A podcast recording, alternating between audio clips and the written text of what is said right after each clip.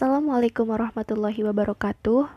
Selamat pagi semuanya. Saya Miska Lukiana Siva akan menjelaskan mengenai harga markup atau markup pricing, harga diskriminasi atau price discrimination, dan multiple product pricing.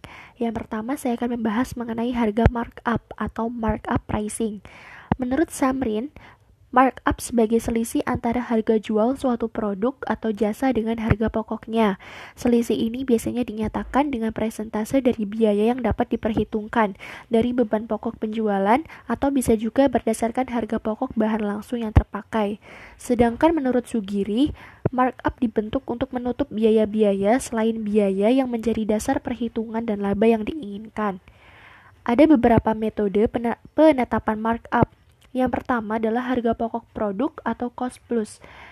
Penetapan markup harga pokok harga pokok produk adalah penetapan harga jual di mana markup ditetapkan di muka terhadap suatu produk dan jika target harga jual didasarkan pada sejumlah biaya. Kemudian yang kedua ada beban pemakaian bahan. Menurut Samrin, Markup berdasarkan beban pemakaian bahan merupakan suatu pendekatan dalam menentukan markup yang diaplikasikan terhadap biaya bahan yang dirancang untuk menutupi biaya-biaya pemesanan, penanganan, dan pengangkutan bahan dalam persediaan akhir dan memungkinkannya untuk mendapatkan laba. Selanjutnya, beban pemakaian bahan dan waktu. Harga pokok dapat dimodifikasi dengan menetapkan markup berdasarkan komponen beban pemakaian waktu dan komponen bahan baku yang berkaitan dengan proses produksi. Yang keempat ada markup modal terpakai, yaitu harga pokok penuh. Dalam pendekatan ini, markup didasarkan pada semua biaya yang diserap dalam proses produksi. Kemudian yang terakhir ada markup modal terpakai, yaitu harga pokok variabel. Untuk menghitung markup dengan pendekatan ini, data biaya harus terlebih dahulu dikelompokkan dengan pendekatan variabel costing. Selanjutnya ada harga diskriminasi atau price discrimination. Harga diskriminasi adalah kebijakan mengenai harga yang pada dasarnya menetapkan harga yang berbeda kepada konsumen yang berbeda. Tujuan pokok dari kebijakan harga diskriminasi adalah untuk menaikkan jumlah keuntungan optimal. Kebijaksanaan harga yang ditetapkan pihak manajemen dalam bentuk harga yang berbeda di pasar satu dengan pasar lainnya dengan tidak mengurangi kualitas produk yang dihasilkan.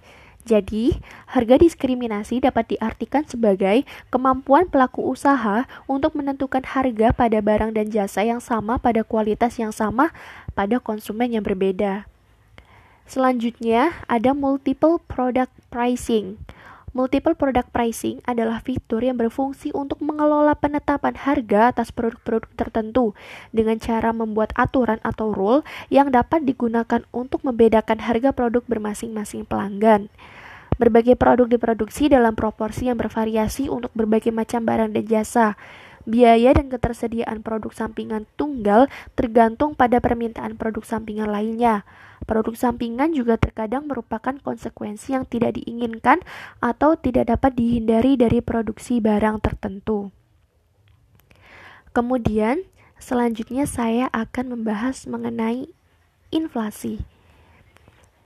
Pengertian inflasi pada awalnya, inflasi diartikan sebagai kenaikan jumlah uang yang beredar atau kenaikan likuiditas dalam suatu perekonomian. Hal itu mengacu pada gejala umum yang ditimbulkan oleh adanya kenaikan jumlah uang beredar yang diduga telah menyebabkan adanya kenaikan harga-harga.